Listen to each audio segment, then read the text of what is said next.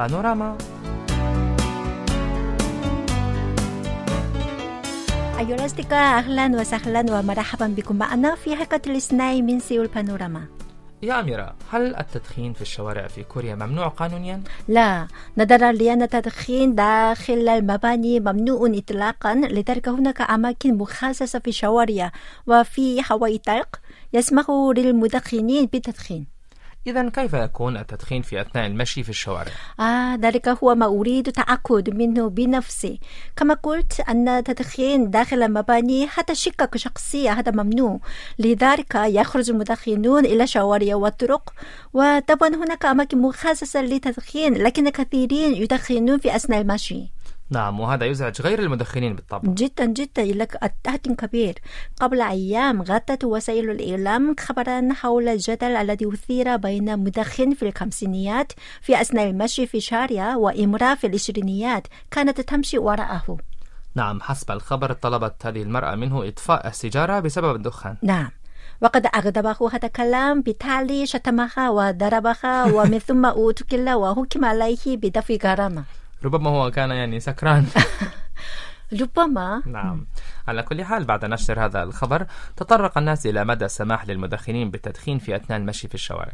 أنا أنا أوارد كغير مدخنة فهو أمر لا أستطيع تحمله. فأجد بعض المدخنين الذين يدخنون في أثناء المشي فأنا أمر به بسرعة.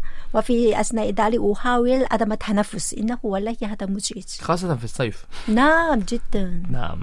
على كل حال عبر الكثير من المواطنين عن آراء مؤيدة لذلك يعني مثلك مم. على مواقع الإنترنت على هل يعني هل التدخين في أثناء المشي مسموح قانونيا أم لا؟ آه انقسمت آراء المواطنين لكن لم تتبين الحقيقة بشكل واضح حتى الآن والمؤكد آه، هو أن التدخين في معابر المشاة ممنوع قانونيا نعم هذا صحيح يعني مم. ممنوع قانونا إذا ما هي التهمة التي وجهت لذلك الرجل؟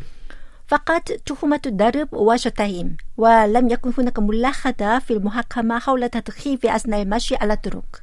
نعم يعني بدون إيضاح مدى السماح بالتدخين خلال المشي في الشارع من الناحية القانونية قد تقع مثل هذه الخلافات بين المدخنين وغير المدخنين مرارا. نعم كلامك صحيح. طبعا أتمنى عدم السماح بالتدخين على الطرق لكن ذلك لن يكون سهلا نظرا لمعارضة المدخنين. نعم أظن ذلك. فالتدخين ممنوع في الداخل إطلاقا وليس لديهم إلا أماكن ضيقة في زوايا الشوارع. وبالتالي يطالب المدخنون بتخصيص المزيد من الأماكن. نعم. أيها الأصدقاء هيا نبدأ حلقة اليوم مع الاستماع إلى هذه الأغنية بعنوان تومبوي بصوت فرقة آيدل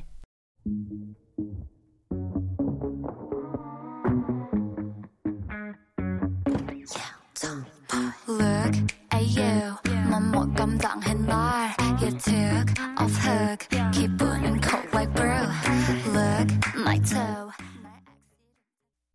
مرحبا أيها الأصدقاء. في أثناء فترة كورونا تدفق الكثير من الناس كبارا وصغارا رجالا ونساء على أماكن معينة في كوريا.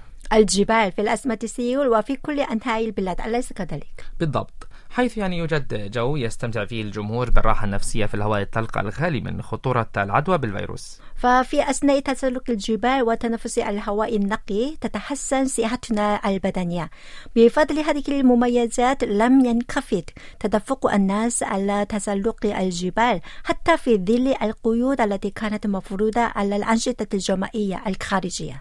والفضل في ذلك يرجع إلى تشجيع الهيئات الإقليمية والمنظمات السياحية على تسلق الجبال والمشي. يذكرني كلامك بنشاط نشهد زيادة شعبية بين الناس خاصة الشباب وفي أثناء الأيام وهو المشي وجميع النفايات في آن واحد. نعم من بين الهيئات المحلية تبرز مدينة بوسان في جنوب البلاد حيث تعني تجري مؤسسة بوسان للسياحة حملة التحدي لتسلق ثلاث جبال وقمم موجودة فيها والمشي على شواطئ المدينة. لا نحتاج إلى النجاح في تسلق جميع الجبال أو مشي بل يكتفي بالنجاح في تسلق أحد الجبال والمشي على أحد شواطئها وإذا نجحنا في هذا التحدي يمكننا الفوز بجائزة الإقامة في أفضل فندق في المدينة. آه، سمعت أم. سأذهب هناك. طبعا أنا سمعت أن أجرة الليلة واحدة فقط تبلغ أكثر من 300 ألف وون أي حوالي 250 دولار. في الحقيقة هذه المسابقة بدأ تنفيذها منذ عام 2019 وعاما بعد عام تزداد فعالياتها بما في ذلك المشي والدردشة حول الكتب. أو الاستماع إلى محاضرة حول سبل التقاط الصور الناجحة في الجبال أو المشي وجمع النفايات وغيرها من الفعاليات المنوعة. نعم من بين أيام السنة يعني تعتبر هذه الفترة أجمل موسم للسياحة هناك. أكيد. لكن هذه المدينة مفضلة على مدار السنة. ففي الخريف تستقبل أكبر مناسبة وهي مهرجان الأفلام الدولية. صحيح. بالإضافة إلى هذه المدينة تتميز مدينة أولسان القريبة من بوسان باستقطاب أكبر عدد من المتسلقين القادمين من كل أنحاء البلاد. وذلك بفضل إهداء أملا نقدية فضية لمن ينجح في تسلق تسع قمم هناك. وفي العام الماضي أصبح العدد 33.477 شخصا. بالإضافة إلى هاتين المدينتين هناك بعض المقاطعات والأقاليم التي تقيم مناسبات مشابهة فهيا نتسلق الجبال ونمشي على الطرق أو الغابات من أجل تعزيز صحتنا إن شاء الله أيها الأصدقاء هيا نستريح قليلا نهدكم هذه الأغنية بعنوان 봄, 여름, 가을, 겨울 أي ربيع والصيف والخريف والشتاء بصوت الفرقة بيج بين 이듬해질녘 꽃 피는 봄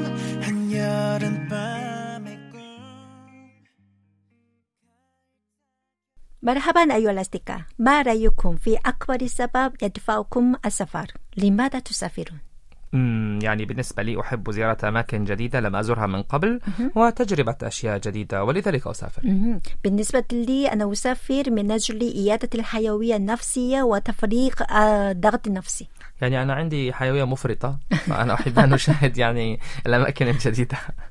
إذا أنت كوريا وقد توقعت ذلك بينما يعني أكبر سبب للسفر بالنسبة لشعوب منطقة آسيا والباسيفيك هو السفر بدون سبب معين.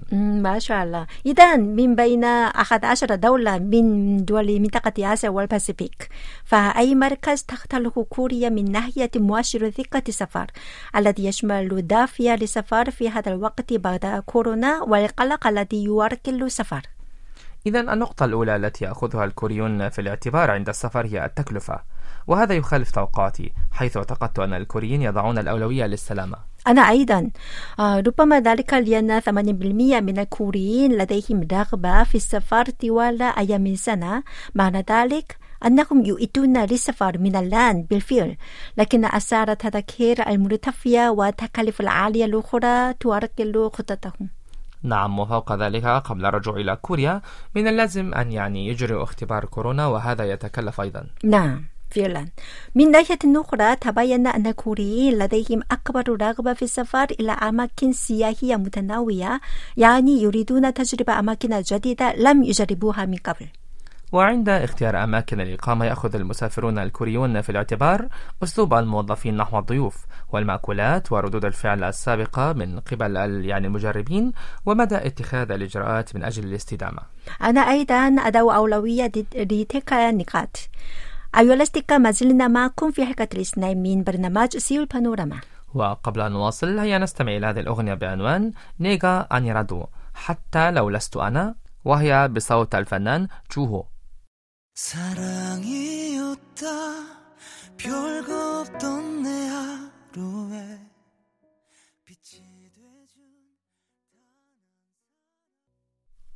야미라. هل تمارسين اليوغا بشكل منتظم؟ آه أنا لقد جربتها مرة واحدة فقط كانت صعبة جدا لكن أنا تأكدت من خلالها من ضرورة ممارسة اللغة بانتظام لأن أنا شعرت في أثناء ذلك براحة جسمانية ونفسية معا فعلا. كما قال رئيس المركز الثقافي الهندي في سيول فإن اليوغا هي أكثر من ممارسة رياضية. لذلك نشهد زيادة عدد الممارسين في المراكز المتخصصة أو في البيوت.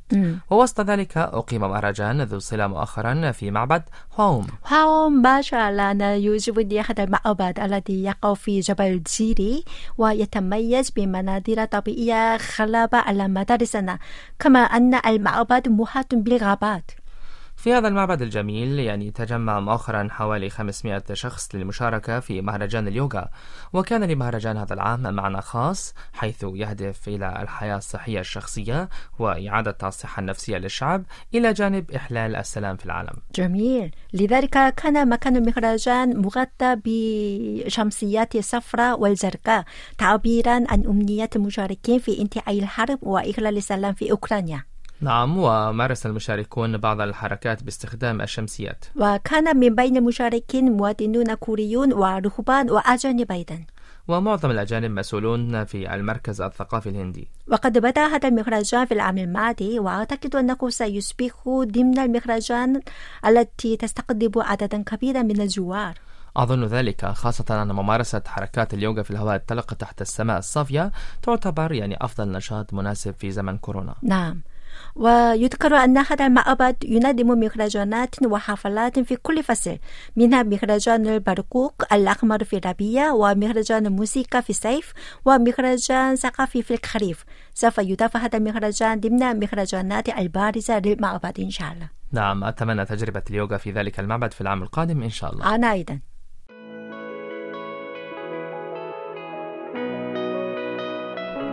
هكذا وصلنا لنهاية حلقة اليوم وفي ختام الحلقة نترككم مع هذه الأغنية بعنوان Love Me وهي بصوت الفنان بيو. شكرا لكم وإلى اللقاء. إلى اللقاء.